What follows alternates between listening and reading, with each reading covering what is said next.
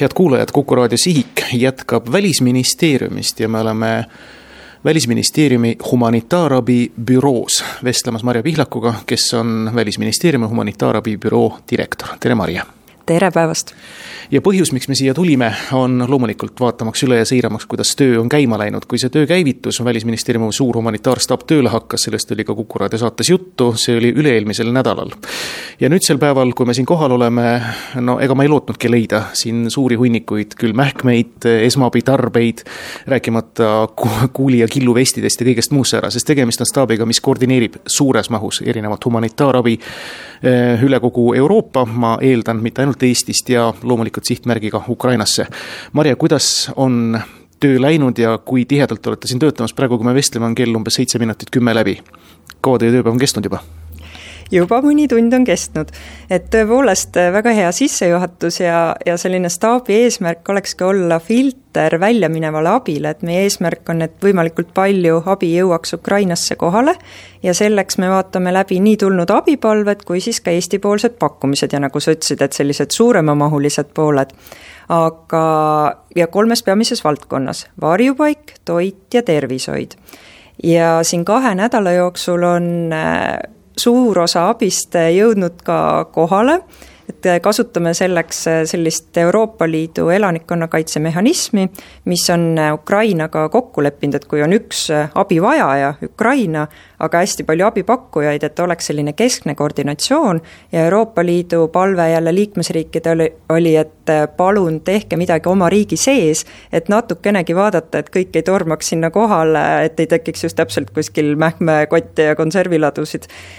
ja Ukraina pool tuleb ise abile vastu, kui see on toimetatud kas Poola kesksesse lattu, kas siis piiri peale või siis me oleme ka viinud üle piiri, seal on erinevad vastuvõtukohad, kas ravimitele, mis vajavad erikäitlemist või siis äh, muud toiduained, et on äh, Lvivi äh, linn äh,, Mostika on seal piiri lähedal ja on ka piiripunktid. et meie esimene abisaadetis jõudis ju tegelikult pärast äh, sõda paar päeva, oli kahekümne kaheksas veebruar sinna piiripunkti ja laaditi üle piiri maha, võttis Ukraina piirivalve, tuli ise vastu koos Eesti Päästeametiga, saatsime varjupaigavarustust ja nüüd eh, edasi on läinud mitmed eh, toiduabisaadetised eh, ja samuti siis põgenikele vajalikku varustust nõudlust on loomulikult alati, kuidas on pakkumustega nende kahe nädala jooksul lood olnud ja kui palju te olete saanud selliseid suuremahulisemaid pakkumisi? sõja esimestel päevadel loomulikult siin tulid väga suured summad, aga nüüd on järjepanu tulnud erinevaid kontserte, erinevaid muid üritusi, otseselt rahalisi pakkumisi, esemelisi pakkumisi? endiselt tuleb ja siinkohal see Eesti rahva solidaarsus teisi aidata on, on väga kõrge, et humanitaarabi on üks selline solidaarsuse ja moraalsuse kõrgeim vorm ja eks muidugi see tuleb ka lähtuda sellest, et kõige õigem humanitaarabi oleks selline, mis on paindlik, mis vastab äh, sihtriigi vajadustele ja mida seal kohapeal ka saab võib-olla paremini kasutada, et võib-olla need asjad kui sellised ei olegi esmatähtsad et kui neid saab hankida ka koha pealt, meil on ka MTÜ-d, kes tegutsevad, et kui inimesed tahavad aidata, siis võib-olla selline heategevuslik oksjon ja annetada raha nendele organisatsioonidele, kes seal põllul on, ongi ka suure, suure tähtsusega. aga Välisministeeriumis siin staabi kaudu endiselt on teele minemas toiduabisaadetised ma siin vaatan, näiteks eile läks teele oluline ettevõtete koondannetus tekkide patjadega, töörõivastega, täna on teele minemas täiendav saadetis kahe veosega Livi, jälle üle tuhande, seal kaks, kaks tuhat tekki, tuhat kaheksasada viiskümmend üks patja, nelisada madratsit. homme on teele minemas oluline saadetis muinsuskaitse all olevate mälestiste säilitamiseks vajaliku varus, varustusega, siis on suurem koostöö siin Riigikogu PERH, SMIT, Äh, Telia, Nixon, Elisa, et vastata Haridusministeeriumi abipalvele infotehnoloogia alal. Ja ka Päästeliit koostöös Soome Vabapäästeliiduga on saatnud viis saadetist päästesõidukitega, et, et tegelikult töö kogu aeg nagu käib, kakskümmend üks märts jõudis Livi regionaalhaiglasse üks veos. Desovahendeid ja kuusteist märts, seda, see on juba natuke aega tagasi siis, üleeile, eelmine nädal, anti Ukraina eri, eriolukorra teenistusele üle seitse kiirabiautot, mis oli vastuseks Ukraina abipalvele siis, kus koguti annetuse korras üle Eesti kokku seitse kiirabiautot. aga siinsamas oli, noh, seda vahendas meie staap, mis oli siis riigi nii-öelda varast äh, võõrandatud, antud asjad, aga samas meil on ka Eesti abipildi osas tegi suure panuse uus MTÜ Slava Ukraini, kes ei olnud üldse meiega kuidagi otseselt seotud või koordineeritud, aga mis näitab üles Eesti rahva suurt solidaarsust Ukraina abistamisel ja märtsi keskel peetud suurel kontserdil nad kogusid raha, et umbes kakskümmend viis kiirabiautot. kolmkümmend üks oli vist viimati. see oli jah, Postimees Grupi püsti pandud, ma no, nii no, niisama remargi korras seda siin ütlen. et palju, palju palju, palju asju toimubki, mis, mis võib-olla siia ei jõuagi, aga samas me siis ikkagi selle koondsummana me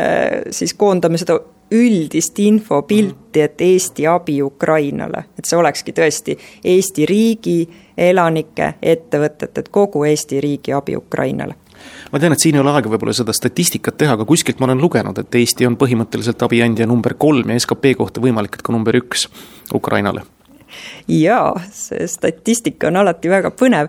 see tuleb ilmselt eh, koos eh, kaitseväe panusega, mis on üle kahesaja miljoni ja humanitaarabi sealt riigipoolne on üks miljon ja rahvapoolne toetus ja annetused kümme miljonit. et kui see kõik eh, kokku panna nüüd tsiviil- ja militaarabi, siis me tõesti oma rahvaarvu hulgas nii, nii oleme, aga kui me räägime ainult tsiviilabist, et siis noh, selliste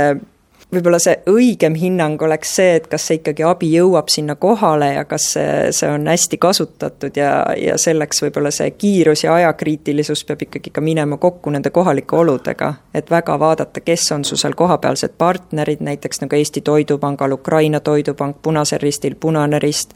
MTÜ-del Mondo pagulasabi, Ukraina Kultuurikeskus on oma kohalikud partnerid, kes teavad, kuidas seda seal kohapeal edasi toimetada, et tõesti noh, kuni siis kohalike omavalitsuste nii välja, et kes ka Eestis, kui, kui tulevad siia põgenikud, kes nende eest vastutab ja toimetab, on ikkagi see kohalik tasand Marja, te olete nagu lennujuhid siin, ega te ise ju reaalselt ei näe, te ei lükka, ega te ei lehvita autojuhtidele, kui nad siin hetkel teele lähevad. Te kindlasti hoiate hinge kinni ja vaatate, kuidas läheb põhimõtteliselt, aga põhimõtteliselt te kompate pimedas, aga te teate, et kõik on turvaliselt teel ja kõik on turvaliselt vastu võetud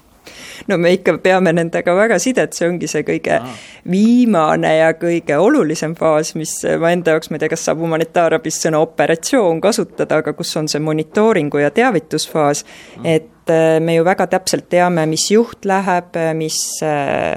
sõiduauto numbriga, kulleri tunnistused, äh, kõik saatekirjad kaasas, Ukraina pool teab, kes on tulemas, meil on Poolas saatkonnas inimene, on sideohvitserid, kes seda jälgivad, et siis ongi selline kakskümmend neli seitse monitooring, et see ikkagi jõuakski kohale, sest on ka juhtumeid, kus näiteks abi vastuvõtmispunkt on üks kui mahalaadimispunkt ja seal hakkavadki need sellised äh, olmeprobleemid võib-olla tekkima, et peab olema väga kindel, et ikkagi siis see tugi meie poolt oleks kuni lõpuni välja, kuni see saab tõesti ka maha laetud ja laaditud ja üle antud üleandmise protsess on ilmselt selline, kus šlaagbaumi maas ei olegi, ühesõnaga ei mingit tolliprotseduure ega formaalsusi ka nende ravimite puhul näiteks, mis seda muidu nõuaksid ja muidu edasi? no ikka on, kõik, kõik tolliformaalsused, kõik eksport, kõik paberid peavad olema korrektselt vormistatud, samamoodi riigivara mahakandmised, asjade üleandmised, vastuvõtmised, et see nüüd ongi siin kiireloomulise abi korral, samas isegi annetatud kaubana ikkagi peab olema, kõik need tollipaberid peavad olema pro forma täidetud ja väga täpselt on Euroopa Liidu poolt ka ette antud siis, mis dokumendid peavad olema. Ja kui me teavitame, et selline abi on meil pakkuda, Ukraina pool võtab selle vastu, siis nad, siis nad paluvad neid dokumente näha, siis nad saadavad meile selle vastuvõtukoha aadressi ja meie saadame neile selle autojuhi aadress või nimi, nime ja, ja auto või selle auto numbri ja siis läheb teele, et see ikkagi kogu selles äh, kiiruse ja virvarris käib ikkagi väga selline seaduskuulekas, et ikkagi ju piirid ja kõik toimivad ja tollid toimivad ja noh, mis humanitaarabi puhul on äärmiselt oluline, et kui me Välisministeeriumi poolt anname kaasa kaaskirja, et see veos sisaldab ainult humanitaarabi, et ta siis seda ka sisaldaks et mm. noh, sinna kiivrid, kuulivestid, killuvestid, et siin on meil väga hea koostöö Kaitseinvesteeringute Keskusega, kes siis tegeleb sellise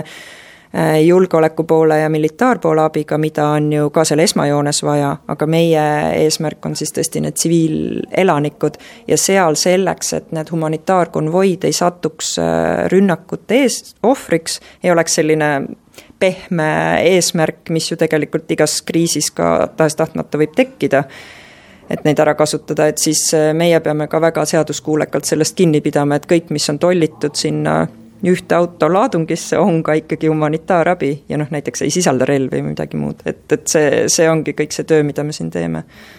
see on päris pöörane, mida te teete, me oleme tohutult tänulikud ja ma usun, et ukrainlased on veel tänulikumad selle eest, ega ma ei saa küsimata jätta, ütleme, kui ettevõtja kell kaksteist teile täna helistab, ütleb, et tal on siin ütleme saja tuhande eest on pudrupulbrit saata Ukraina lastele, siis eh, millal see võiks juhtuda, et seesama naurav puder on juba Ukraina lapse ees ja ta saab seda sööma hakata?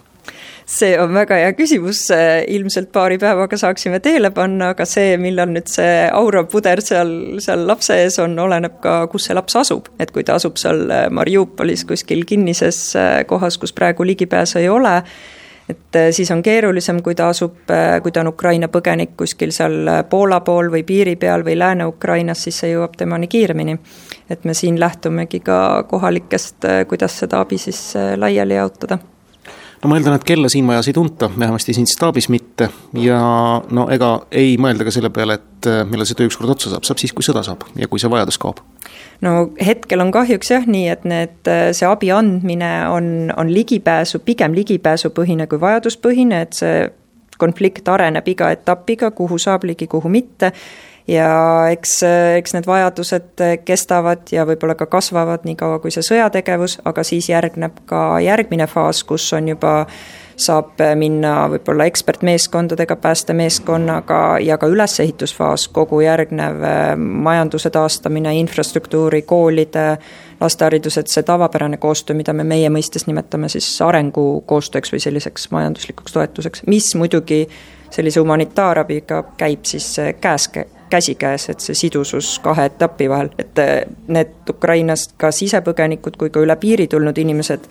kuigi see on nii-öelda humanitaarvajadus, nad vajavad täna kohe normaalset elukeskkonda, lapsed tahavad hakata koolis käima, kellel on tervishoiuvajadused, noh toit, sellised esmavajadused, aga tegelikult kogu see psühhosotsiaaltoetus, see kõik käib selle kriisiga käsikäes. ja loodame, loodame, et, et laheneb aitäh, Marju Pihlak, seda aega leidmast, staabi kõrvalt rääkimast selle tööst. edu, jõudu teile, teie kolleegidele ja ettevõtjatele. välisministeeriumi kodulehel on need numbrid täiesti kõik olemas, võtke aga ühendust